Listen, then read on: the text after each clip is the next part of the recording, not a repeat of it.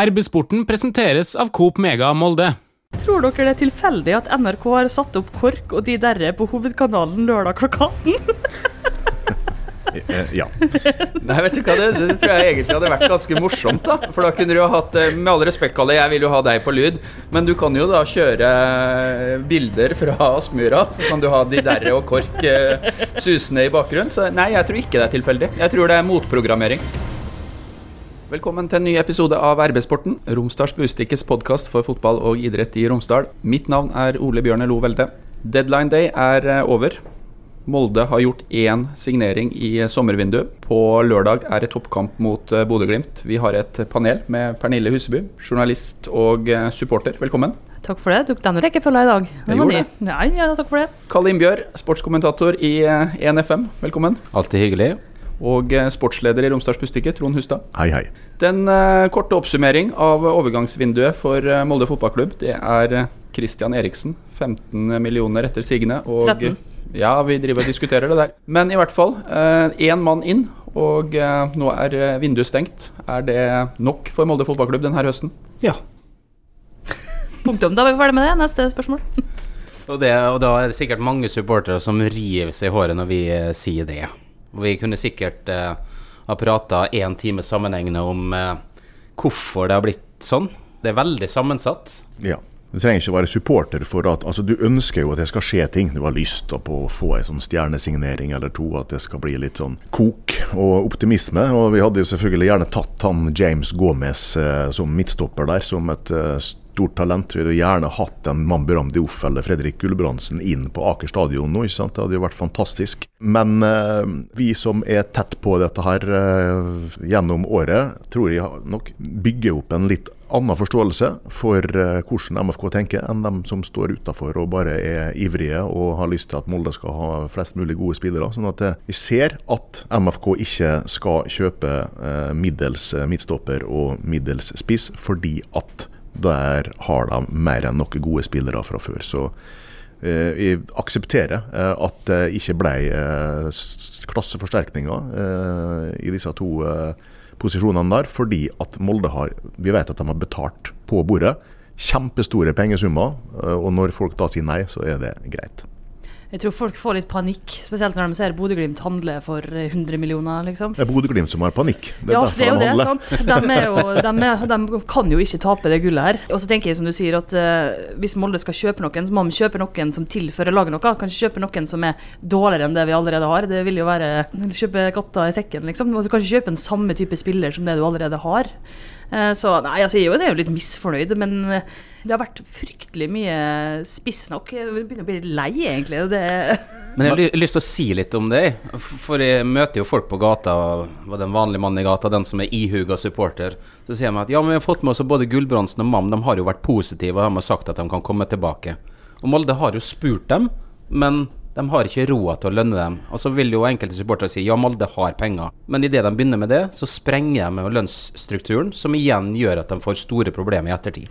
Ja, og de har så gode eh, tilbud i utlandet. MAM gikk jo til en annen tyrkisk klubb nå, så det er ikke bare det at altså, MFK kunne lagt på, eller dobla sikkert, og så hadde de dratt likevel. Så det er det som er saken her. Det er nesten litt sånn Jeg har ikke trodd på noen av dem eh, de siste månedene, så det, har vært litt sånn utopi. Fordi at de egentlig bare sitter og venter på et annet tilbud i i et annet land som har liksom tregangen eller firegangen i økonomien. Jeg tror eh, Når det gjelder akkurat den der type signeringer, så må det ligge et sånn genuint ønske i bunn om å faktisk komme til Molde, avslutte karrieren eller bygge opp igjen karrieren, eller hva det enn måtte være. Men at det liksom er den plassen man har lyst til å være, det må liksom være utgangspunktet. Og så er det naturlig å strekke seg på lønn til denne type spillere med denne type CV, men det er ikke naturlig å sprenge skalaen fullstendig, for det, da vil du ødelegge et eller annet i, i garderobemiljøet. Du spiller med høy risiko hvis du plutselig begynner å kaste penger etter folk på den måten. Helt sikkert. Som f.eks. Martin Linnes, som kom hjemme på en sånn deal, og som har lyst til å være i Molde. Da er du verdifull. Da vil vi at han skal være her. En ting som jeg likte med det her overgangsvinduet, er at eh, det jeg oppfatter, er at Molde fotballklubb har fått den spilleren som de hadde aller mest lyst på. Han hadde vi jo i studio her i forrige episode av eh, RB-sporten, Christian Eriksen. En framifra type og en god fotballspiller, og kanskje, sånn som jeg oppfatta det, hovedtarget nummer én når uh, sommervinduet starta, og en spiller som hele Norge ønska seg, uh, og som skal spille for MFK nå i flere år framover. Han ble en utrolig viktig spiller både på banen og ikke minst utafor banen. Så det var en klassesignering, og, og der var jo Bodø-Glimt Det må ikke supporterne glemme, der var Bodø-Glimt med i kampen. Og der hadde MFK bestemt seg for å gå all in, og de vant den kampen. Altså Hadde vi ikke vi fått han, hadde Bodø-Glimt fått den Eriksen, hadde jeg vært kjempedeprimert nå. Gud bedre med. Det er litt sånn fascinerende det der med, med supportere og, og, og supporterkultur. Jeg tilhører den delen av supportermiljøet som er litt sånn skeptisk til den eh, pengegaloppen eh, som tidvis kan være både i norsk og ikke minst i, i, engelsk fotball. Og det at du på en måte blir stressa for at eh, konkurrenten kjøper seg opp, det tenker jeg at vi skal ha litt mer is i, i magen. Dere var inne på det i sted. Jeg syns nesten det framstår som litt panisk, det som har skjedd i Bodø. Og jeg tror at Bodø er i ferd med å miste på en måte sjelen og identiteten sin. Og det tror jeg kan være et fortrinn for Molde fotballklubb framover. Og nå smiles det sterkt her hos meg. Det er jo kjempedeilig. Altså, det er ingen som snakker om at Molde er et kjøpelag nå. Nå er det Bodø-Glimt som får alt, og det koker på Twitter. Og Bodø-Glimt-sporterne får så mye kjeft. Og det er så deilig å sitte her stille i båten og følge med på det der og bare ah, For en gangs skyld så er det ikke oss. Det er ganske interessant å se lederen, daglig lederen i Bodø-Glimt for bare et års tid siden så, så var han ute og sa at vi, vi har nødt til å leve på vår måte. Vi må hente den typen spillere vi må hente.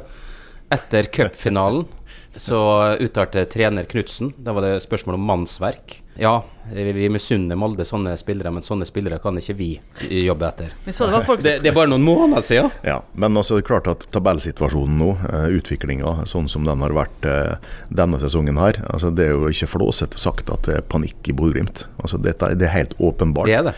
Det har vært fullt kaos der, og de er livredde for at MFK nå skal ta over tronen, og at det skal bli sånn i flere år framover, sportslig og økonomisk. Så dette her minner jo om den eh, panikken som Rosenborg hadde for en del år siden, når de var redd for Solskjær-prosjektet. Da spente de jo og solgte dem alle tomtene sine og bygde hotell og sånt der. Og så blakka de seg på kjempestore signeringer som ikke slo til. I håper at Bodø-Glimt er på en måte litt i den Champions League, Europaliga-rusen nå er i ferd med å gå litt i den samme fella. Fordi at eh, Hvis de da blir nummer tre eller fire et år, og de eh, har et par av disse spillerne som flopper, så eh, er de plutselig ikke på toppen av trona lenger. Og så fungerer det sånn, Når du først løfter lønnsnivået dit opp, så kan du ikke bare dagen etterpå komme inn i garderoben og si 'sorry, gutta, det gikk ikke', så nå halverer vi bare lønna. De har flytta. Gjentar. Skulle gjerne hatt en stjernesignering i MFK. Ikke fordi at du er nødt til å ha den på elveren, men fordi at det hadde vært positivt og det hadde vært artig og det hadde vært spennende. Men det er jo også en annen grunn til at disse to toppklubbene har litt forskjellig inngang til dette vinduet. her, er jo selvfølgelig at MFK har en bedre tropp. Og trenger ikke så mange spillere inn nå. De gjør dem i januar eller neste sommer. Men MFK har kanskje 17 eller 18 gode spillere, for å si det på den måten. Mens det har vist seg i kvalikkampene til Bodø-Glimt at de kanskje har 13. ikke sant? Dette har jeg snakka med mange fotballfolk om i det siste. og Du ser på hva som skjer når de bytter seg ned. De begynner å sette inn alle disse her som har spilt lite fordi at de på en måte har floppa litt i stillhet der oppe. Så har de ikke sjans i eh, ekstraomgangen til å holde koken oppe. Så jeg velger å se litt sånn på det. At Bodø-Glimt nå driver og kjøper seg opp til nivået til Molde sin tropp. Men for, men Prøver å kjøpe seg opp. Men for å avslutte det med, med Bodø-Glimt, det skal jo handle om Molde, dette her. Men uh, det blir jo mye Bodø-Glimt, for det er jo dem som er i vår nærmeste utfordrer. Uh, og neste motstander. Og neste motstander. Når de var i kvaliken til Champions League, så var det masse snakk om skal du heie på Bodø-Glimt eller ikke. Nei. Og vi, vi, i panelet her var ganske klar, for vi, vi så det økonomiske. Nå, nå, må vi snakke for oss sjøl. Ja. Pernille sier nei. Kalle? Jeg var definitivt uh, jubla og hoppa gjennom taket når de røyker ut. Men det handler jo oh, ja, det handler jo ikke om det sportslige, det handler om det økonomiske. Nå må jeg få et lite ismet her, for jeg håpa faktisk at de skulle nå Champions League. Ja, du ser jo nå, Ole Bjørne, hvordan dette har vært hvis de, hadde, hvis de hadde hatt 200 millioner til, da. Så hadde vi jo ikke hatt igjen fotballaget ute. De kjøpte hele MFK. Kjøpt stadion òg? Og mista seg sjøl ytterligere. På vegne av norsk fotball så kunne en selvfølgelig håpe det, med, med sånn uh, seeding og rating osv. koeffisienter. Men uh, som MFK-supporter så uh, ønsker du selvfølgelig at Bodø-Glimt skal få 100 millioner og ikke 250. Altså, jeg unner ingen andre enn Molde noe som helst. Punktum. Veldig enig, Pernille. High five! High five! High five. jeg blir bare stående og riste på stedet. Og likevel så er det sikkert jeg som får innboksen full. Men Ja. uh, Ole Bjørner, punktum velde, et r-b.no. 95 20 Nei. oi, oi, oi. Ja, du er ansvarlig Ja. Ja, redaktør også ja. for denne Jeg er ansvarlig, og jeg prøver å holde litt anstendighet. Og, Det skal være eh, artig, Ole Vi holder med Molde fotballklubb, absolutt. Eh, jeg også. Men eh, jeg tenker at det hadde vært helt greit om Bodø-Glimt hadde nådd Champions League for norsk fotball. Hei, Hilde her, fra Coop Mega Molde. Og at Coop Mega Molde finner du alt du trenger til både hverdag og fest. Kom og la deg friste av den lengste ferskvaredisken i Romsdal. Du finner også et stort og bredt utvalg mat fra lokale produsenter. Velkommen til Coop Mega Molde. Lørdag klokken 18 så får vi vite hvem av disse to lagene som er best eh, akkurat nå. Da spilles det som blir omtalt som en seriefinale på Aspmyra i eh, Bodø. Det kommer helt sikkert til å være halvfull stadion og litt sånn eh, lunken stemning der oppe, men hvem vinner fotballkampen? Det blir Molde. 2-0. Skal vi tippe allerede? Tippe allerede nå, men jeg gir fasiten. Nei, det blir jo et sånt kampbilde der uh, Trond har jo vært inne på det. Det er full panikk i Bodø-Glimt, og det holder ikke med uavgjort. De er nødt til å vinne. Og da får vi jo litt det kampbildet som vi elsker fra Europa, der uh, motstanderen er nødt til å skåre.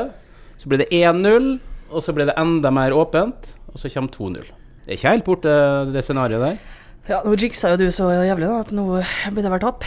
Nei da, jeg er usikker. altså. Jeg føler, altså, Nå har det gått så bra i det siste at nå må det bare gå dårlig, tenker jeg. Mitt supporterliv, så går følelsene mine sånn.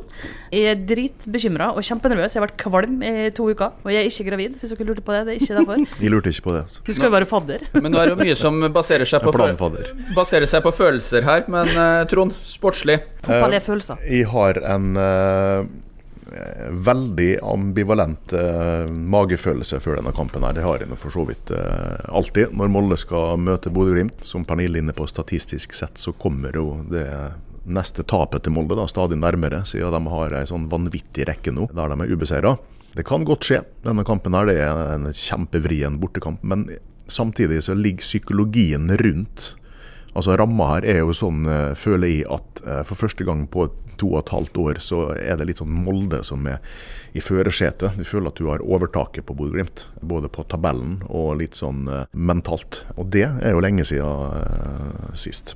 Så syns jeg MFK akkurat nå i, i nyere tid har tatt tilbake den derre gode egenskapen av at når det står mye på spill, da leveres det. Og eh, det så vi mot eh, Wolfsberger eh, borte. Vi så det i cupfinalen. Altså når, når det står mye på spill, og dette er seriefinalen. Hvis de skal anstrenge seg for å forlenge den, der, den der rekka, så er, så er det nå de ikke skal tape. Og så får vi heller tåle et tap litt seinere ut i rekka her, når det ikke er Bodø-Glimt som er motstander. Og hvilken spiller er det da som står fram i sånne sammenheng? Heter ikke han Mannsverk? Vi har vent oss til det, ja. Ja. Men eh, så er jo Molde også altså blitt et eh, kjempebra bortelag, må vi ikke glemme. Norges beste. Norges beste bortelag. De er ubeseira i uh, Eliteserien. Det har også endra seg, siden nå vant de jo en sånn skitkamp med Erling Mourinho der oppe for to år siden. Men altså, MFK har, selv om ikke underholdningsverdien er like stor, og de produserer ikke like god fotball som eh, folk liker å bable om, så så er det klart at de har jo begynt å vinne nesten alle bortekampene sine, og det må jo vel være det viktigste for, eh, også for eh, supportere. Nå ble jeg bare stående og glise. Er Erling Mourinho, er det noe som uh, har blitt snakka om, eller er det noe du kom opp med Nei, det var Stian Gregersen som lanserte stemmer, den eh, i. TV-intervjuet etter at de eh, parkerte to busser foran målet sitt og sneik inn et par urettferdige OHI-skåringer der oppe og vant uh, borte. Nei, og så synes jeg, Det jeg er veldig stor forskjell fra før, at ofte så har Molde fått litt sånn panikk eh, hvis ikke kampene har gått sånn som de har fått sett for seg. Men i år så virker det som om det er fullstendig De beholder roa, og bare det virker som om det er ingenting som står på spill. Samme i cupfinalen. og Jeg ble helt overraska over det. Men det er jo en helt annen struktur og plan over det som Molde har gjort i år. For oss som er så tett på, så kan det av og til være litt vanskelig å, å, å se endringene. Men det har vært store endringer i og rundt eh, MFK i år. Ja, og den defensive strukturen på bortebane den er jo eh, helt annen enn den har vært i mange sesonger tidligere. Det er kjempebra. I tillegg så Sånn som eh, skadesituasjonen er nå, eller ikke er nå, da, så har du en, en Magnus Eikrem der. Takk og Gud. nå kan han spille ball på Ola Brynildsen f.eks. i første omgang, og Fofana i andre omgang, eller omvendt. Eller Bodø-Glimt, som liker å angripe. De skal få helt andre eh, utfordringer å bryne seg på, tror jeg, da, i eh, kontraspillet enn de har vært eh, vant til tidligere mot Molde. Men Linnes, vår venn, hvordan går det med han? Han har vært på trening, jeg vet ikke hvor mye han har eh, bidratt eller eh, trent med ball og hva slags eh, utsikt av det, men han er jo i hvert fall i, i loopen, så vi håper selvfølgelig at han kan være med. Men det lukta jo litt eh, cupfinalen versjon to av denne kampen her, og jeg tror jaggu det at Molde fort kan stille omtrent det samme laget. Og det vil altså si Brynildsen i stedet for Fofana. Og Kåsa i stedet for uh, Ulland. da. Uland, ja. Ja. Etter at det der eh, Conference League-eventyret til Bodø-Glimt var, var over, så syns jeg at uh, det har skjedd et eller annet med klubben. Det er dem som er blitt litt sånn sure og sutrete og mister uh, hodet og videre. Og jeg syns det er uh, veldig i, i favør Molde. Jeg husker for noen år siden når, når det var litt motsatt, så havna det Hvordan den havna, ikke jeg, har ikke jeg peiling på, men det havna en såkalt raider, kom på trykk i en eller annen avis i samband med at eh, Molde skulle på Aspmyra, hvor det var eh, hvor de lagde litt artig av at det var bestilt noen rene håndklær og noe ja. energidrikk og frukt som skulle vært skåret opp sånn eller slik eh, i garderoben osv. Og, og da var på en måte bildet litt annerledes, folks oppfatning litt annerledes. Men hvis det er en klubb akkurat nå i Norge som jeg tror har en raider, så, så er, det, er det egentlig Bodø-Glimt jeg først vil, vil tenke på. Jeg synes det er det Tørrfisk og rogn. Nei, men det har kommet ut meldinger om at Knutsen detaljstyrer nesten det aller meste utafor banen nå. Så jeg kan gjerne Ja, det er veldig god, eh, godt innspill. Jeg Kan gjerne tenke meg å snakke med den samme mannen eh, som gikk ut da. Stakkars Per Lianes, han måtte jo si unnskyld til hele Norge. For at han ville ha litt frukt i garderoben. Pleide å få det på Vestnes når vi var der og spilte mot Vestnes Varfjell. Vi har eh, en del Var det oppskjært? Eh, Nei, det var ikke oppskjært. Men det, det Vestnes Varfjell var veldig lure med, da Jeg vet ikke om det er sånn i Eliteserien, men det var at den plasserte frukten og smoothien i garderoben før kamp. Så når vi kom dit, så tok jo da de her ungdommene som skulle spille fotball, de tok jo bare og kyla nedpå masse frukt og smoothie før kamp, og så tapte vi mot Varfjell. Hei sann! Her er jo Hilde fra Coop Mega Molde. Kom innom og la deg friste av den lengste ferskvaredisken i Romsdal. Velkommen til Coop Mega Molde. Vi har hatt suksess med det her eh, Twitter-stuntet vårt, eh, Pernille. Det er i hvert fall min det vil jeg absolutt si. Vi Ja. har eh, Martin Brøste har også vært veldig flink til å, å drive kontoen vår når han har vært ute på tur i Europa og litt forskjellig. Lagt ut masse. Og i dag har jeg lagt ut, da, for å se om vi skulle spille inn pod. Og Åssen funker det her? Er det Teller man følgere og sånne ting? Har vi på en måte ja, skal vi se hvor mange følgere vi har nå, da. Det er nå bare ei uke siden vi oppretta. Vi har 224 følgere. Men vi trenger flere, så det er bare å følge rb-sporten på Twitter. Kanskje det følger tilbake òg, får nå se.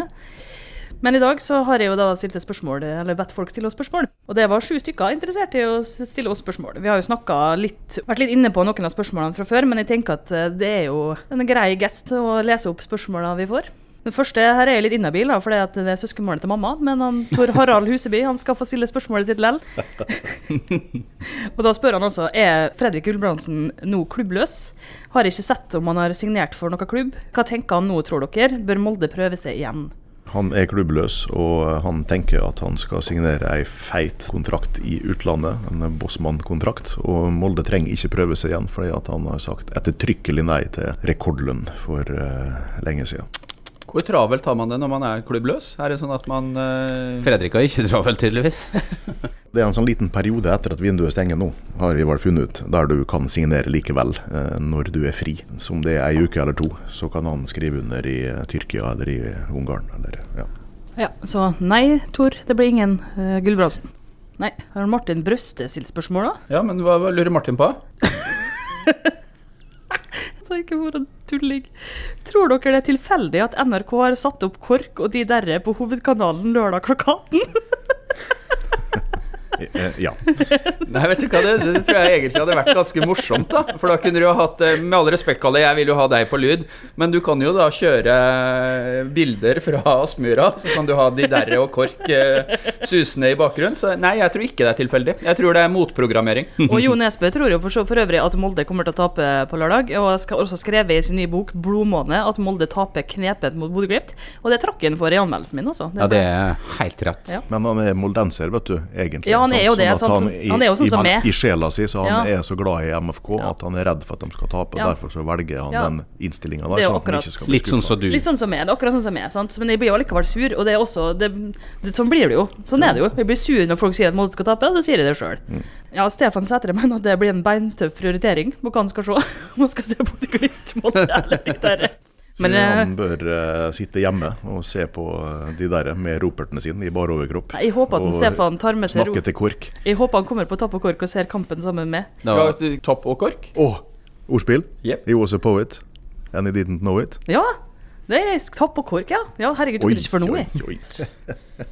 Arnstein Aare skriver kan jo ta en runde om de billettprisene til Conference League. Og det har vi fått flere innspill på, bl.a. fra Stefan. da Stefan Sætre, forsangeren i Tornekrattet. Er det det at det skal betales for å gå på fotballkamp? Når det Det at det skal betales litt for mye, syns folk òg i. eh, ja, hva er prisen? Nei, det var, De har jo endra det nå da, etter at vi skrev om det, og at folk protesterte noe voldsomt. Vi skal, jeg tror ikke vi skal ta på oss æren for at det ble endra, altså. Det tror jeg folks reaksjoner skal få ta æren eh, av. Men eh, nei, det var jo kosta På langsidene så kosta det 500 og 400 kroner. På den andre så kosta det 400 og 300, og i Tornekrattet kosta det 200. Og Tornekrattet sin pris er jo for så vidt den er jo grei, sant? men jeg syns det fortsatt er litt for dyrt det da, for å stå der. Men det er jo en kjensgjerning at det er ikke alle som har lyst til å stå i Tornekrattet, eller sitte på inngang 13. Det er flere som er skeptiske til det, som varmer seg barn. Ikke at det er noen grunn til det, egentlig, syns jeg, da, men det kan jeg forstå. Og så tenker jeg at hvis formålet er å få flest mulig folk på kamp klokka ni på en torsdag, så kan det ikke koste så mye. Jeg tror at reaksjonene også handler litt om at folk føler at det ikke tilrettelegges for supporterne, at, at MFK ikke er til for supporterne, men at de er opptatt, mest opptatt av å tjene penger. Og det tror jeg også, det er samme som at folk jo- reagerte jo veldig når det kom pub på stadion, altså corner. Da var den kun tilgjengelig hvis du kjøpte sesongkort på Vippen, som også sikkert koster veldig mye penger uten at jeg har sjekka det. Og restauranten er åpen, og, og loungen er åpen for sponsorer, og av og til for folk på europakamper. Så jeg tror folk føler litt at de de står på, litt på utsida og kikker inn på det som betyr, for mange betyr ekstremt mye. da. Så jeg syns, jeg syns at det rett og slett det er ikke alle som har råd til det her. Og det er en av mine sånne kampsaker at jeg syns at ting skal være tilgjengelig for flest mulig. Og det er det ikke med disse prisene her. Ikke alle. selvfølgelig 200 kroner er jo ikke så mye, men for noen er det mye. Og kan, vi kan ikke prise oss vekk fra folk. Da jeg vokste opp, så hadde vi veldig lite penger, sånn at det sitter fortsatt igjen i sjela mi. da. Så jeg blir liksom litt lei meg og provosert når jeg tenker på at det sitter folk rundt der og kanskje ikke har råd til å gå på alle de tre kampene de har kjempelyst til å gå på. Det er vel ingen som på en måte kan være en varm forsvarer av, eh, av høye priser. sånn at uh, der er jeg langt på vei enig med deg, Pernille. Men så tenker jeg samtidig at Molde fotballklubb er uh, akkurat når det gjelder pris og tilgjengelighet på stadion, og egentlig hva du får igjen også, så syns jeg at MFK har kommet eh, kommet ganske langt. Og så skal ikke jeg argumentere for at 200 kroner er, eh, er mye eller lite, men jeg tror at det hadde gått an å kjørt noen sammenligninger på hva det koster å se fotball i en del eh, klubber, land eh, og nasjoner, og så ville den prisen ha kommet ganske greit ut. Og så er jeg fortsatt der at eh, det er hyggeligere med eh, 8000 på tribunen og en eh, en hundrelapp eller 150 enn en enn 5000 og 250 eller osv. osv. Jeg tenker at det bør være formål nummer én, å få flest mulig folk på kamp. Jeg er helt enig i at det må være formålet. Det er eh, viktig. Eh, Og så er det, hvis de først tar et sånn lite spark til MFK, da, som da tenker jeg at hvorfor sitter de på det møtet der og så bestemmer seg for at det er smart å vise femtallet på en måte på den dyreste billetten? Det er jo det folk det kikker på. Det skulle de aldri ha gjort. Da skulle noen ha sagt hm, det er ikke lurt. Dette skjønner du hvis du jobber på en butikk òg, at du, en, vare koster 29,50 og ikke 30 kroner. Så den kunne eh, kosta 450, eller kunne sagt at ok, økonomien vår er så god at vi stopper på 400 som den dyreste billetten og sånn. Eh, det eh, overraska meg litt. Men samtidig så må jeg få lov til å si det er jo en bedrift på lik linje med mediehuset Romsdals Bustikke eller eh, hva som helst. Altså, dette her er jo en business. Eh, du skal jo tjene penger på produktet ditt. MFK har et veldig godt produkt som mange er interessert i. Så det er klart at du kan ikke drive og gi bort disse billettene her, eh, og, og ikke på en måte benytte muligheten til å, å skape omsetning. da. Eh, Og jeg tok en sånn kjapp kikk bare på de andre europaklubbene som Molde skal møte nå. Og det ser ikke ut som at MFK er prisa ut i forhold til noe som helst. Bodø-Glimt f.eks. Der er jo den dyreste billetten 600 kroner. Men det er litt det annen, penger. mo- det var litt annen motstand. eh, motstand da. I den ene kampen, ja. Men de skal nå også spille mot Zürich, og jeg vet ikke hva det er for noe. Det er jo ikke, det er jo ikke bedre eh, eller mer attraktiv motstand enn Gent, det. Men uh, Djurgården har jo ei sånn pakkeserie. Uh, så der kan du kjøpe fra 200 til 400 kroner blir det da per billett der. Og nå er vel Molde uh, innafor der, kanskje under. Gent f.eks. den dyreste billetten der koster 60 euro. Så der koster det fra 300 til 600 kroner. Da får du eh, blåskjell og pommes frites ved siden Og i av. og- uh, Shamrock Rovers der er det litt uh, lavere lønnsnivå, regner jeg med. For de har billetter sånn som går opp til 350. på- Der får du med ti halvlitere. da. Guinness. Sånn at det, ja, det er unødvendig av MFK å ta 500 for den dyreste billetten, men samtidig så kan en familie da gå og kjøpe seg billett for 300 kroner sant, for de voksne, og for 50 eller 100 kroner for barn.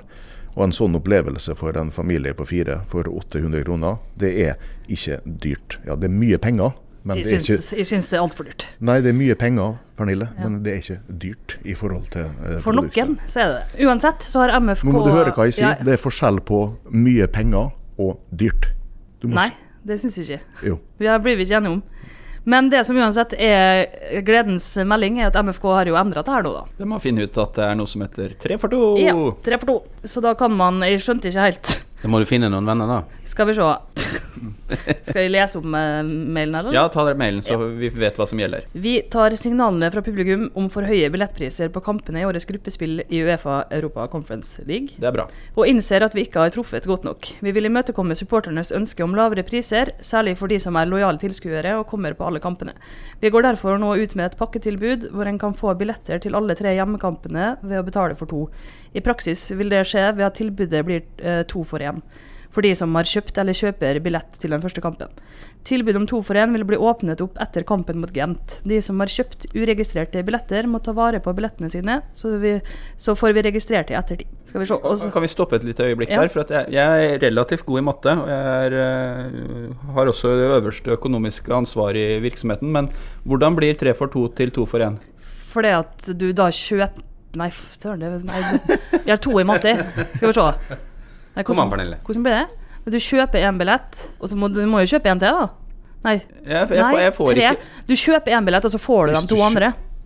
Nei. Nei, du får én altså- gratis. Nei, hvordan blir det? da? Altså, Kom igjen, Trond. Det er for dem som tre for to er jo enkelt. Ja, det skjønner det jeg òg. Du kjøper deg da eh, tre billetter som egentlig koster eh, 900 f.eks., og så får du de tre billettene for 600. Ja, det Ja. er supert. Jeg har tre unger, så Ja. akkurat den der er jeg ofte på på kjøpe, bensinstasjoner og sånn. du må også kjøpe den første billetten til kampen mot Gent. Ja, du, ja, du kjø, jeg har kjøpt den den. kjøper du. Ja. Hvis du Mhm. får to billetter for én, så er jo det like enkelt.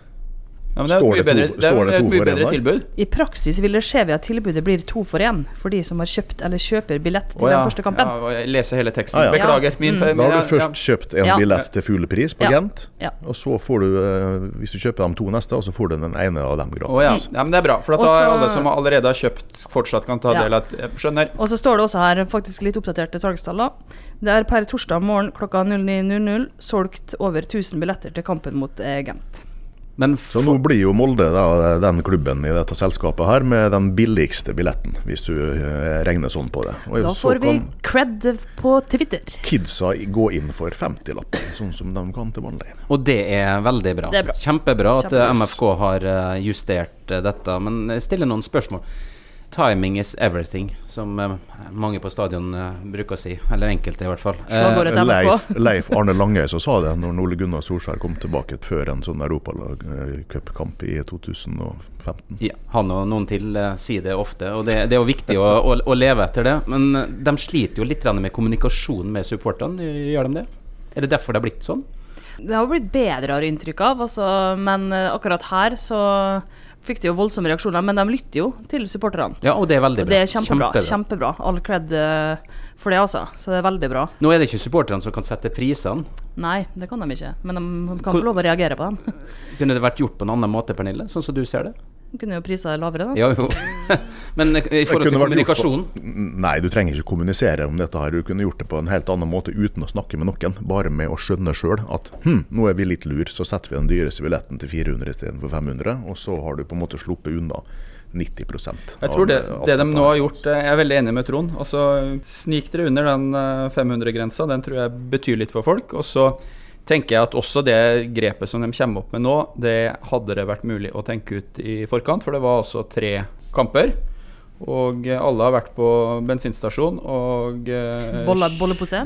ja, for eksempel, eller kjøpt eh, drikke. Og eh, da er det tre for to som gjelder på veldig mange arenaer, og det kunne ha Ja, nå, nå gjelder det jo på Aker stadion. Hei, Hilde her, fra Coop Mega Molde. Kom innom og se vårt store, brede utvalg av mat fra lokale produsenter. Vi har også gavepakker til den som har alt. Velkommen til Coop Mega Molde. Skal vi se, Jeg var ikke helt ferdig med disse spørsmålene. Skal Vi se. Vi kan jo ta et spørsmål fra en Jokke. Har vi god nok dekning og kvalitet på midtstopper og spissplass? Spissplass, ja.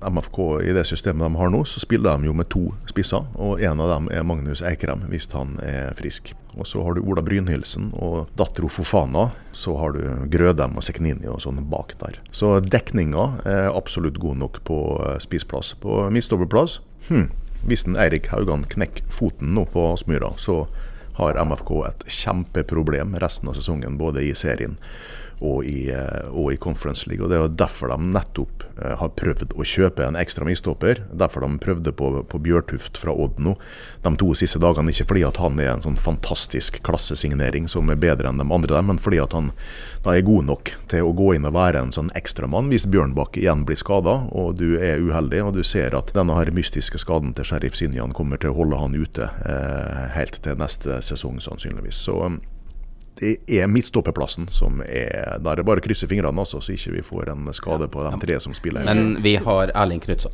All ære Ja. til Erling Knutson. Han har gjort en fantastisk jobb i alle plasser han har vært plassert som eh, potet, men han er og bli, ikke en midtstopper. Og han skaper sjanser både for Molde og for eh, hjemmelaget, og det kan han også gjøre i eh, tøffe bortekamper i, eh, i Europa. Jeg Er tror det bare keeper som gjenstår for Erling, før han har ja, alle elleve posisjonene inne for MFK? det har kanskje vært en sentral midtbaneposisjon han ikke har spilt på, men jeg, jeg sa det jo, vi er jo alle enige i, i panelet her om at vi trenger en midtstopper, men det var også litt for å hedre Erling, som har eh, vært inne og gjort en kjempegod jobb. Men man kan selvfølgelig spille høyrestopper han i en kamp hvis det trengs det. Og som eh, folk i MFK sier sjøl, altså hvis det blir krise på venstrestopperen, så kan vi faktisk sette Kristoffer Haugen dit. Han kommer til å løse den jobben på en utmerket måte. Bare at da flytter du problemet, sånn at du mister offensiv kraft. fordi at Eh, unge Løvik, kjempetalent, fin spiller, men det er ikke sikkert at han er klar for å ta den jobben i disse største kampene. Og så har jeg også lyst til å legge til noe på spissplassen. Ola Brynildsen, etter uh, skadecomebacket,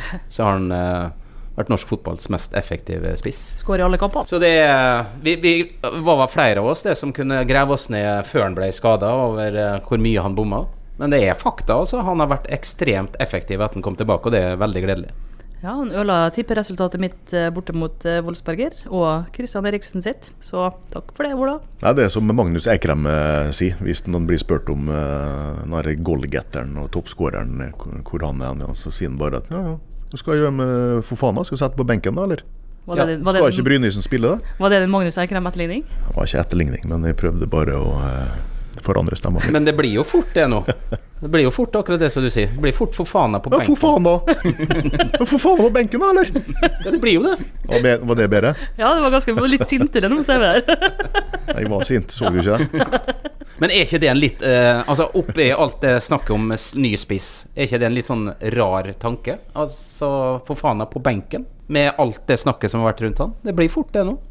Ja, altså Det vet jeg ikke. Eh, Jeg har ikke sett på noe Det, det er ikke sikkert det blir sånn, men, men det er en rar tanke med tanke på alt det skrytet som har vært Fofana. jeg Det har vært mye ja, skryt, men eh, så, de gangene han har vært satt på benken, så syns jeg egentlig at det har virka ganske fornuftig, basert på enten motstand eller hva som har vært prestert i, i det siste. Så Hvordan har har gått av det. Altså Hvis de starter med han på, eh, som innbytter nå, så gjør de jo ikke det fordi at eh, de mener at Ola Brynhildsen er en bedre spiller. Men eh, da gjør de jo det fordi at det skal være en strategi eller en plan.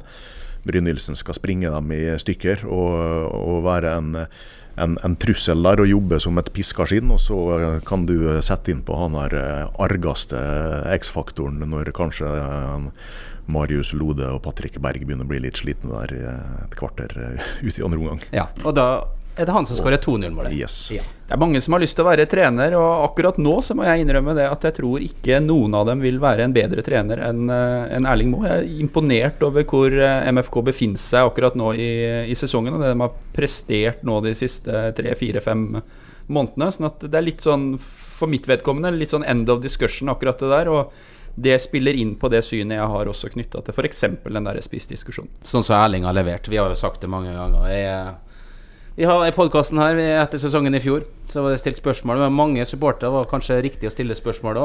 Erling virka litt eh, sliten. Vi sa det jo i podkasten at han, vi mener at han er en av Norges beste trenere. Men han må finne, finne ut at dette har han lyst til, og jaggu det. Han og Trond har levert eh, voldsomt denne sesongen. Så langt.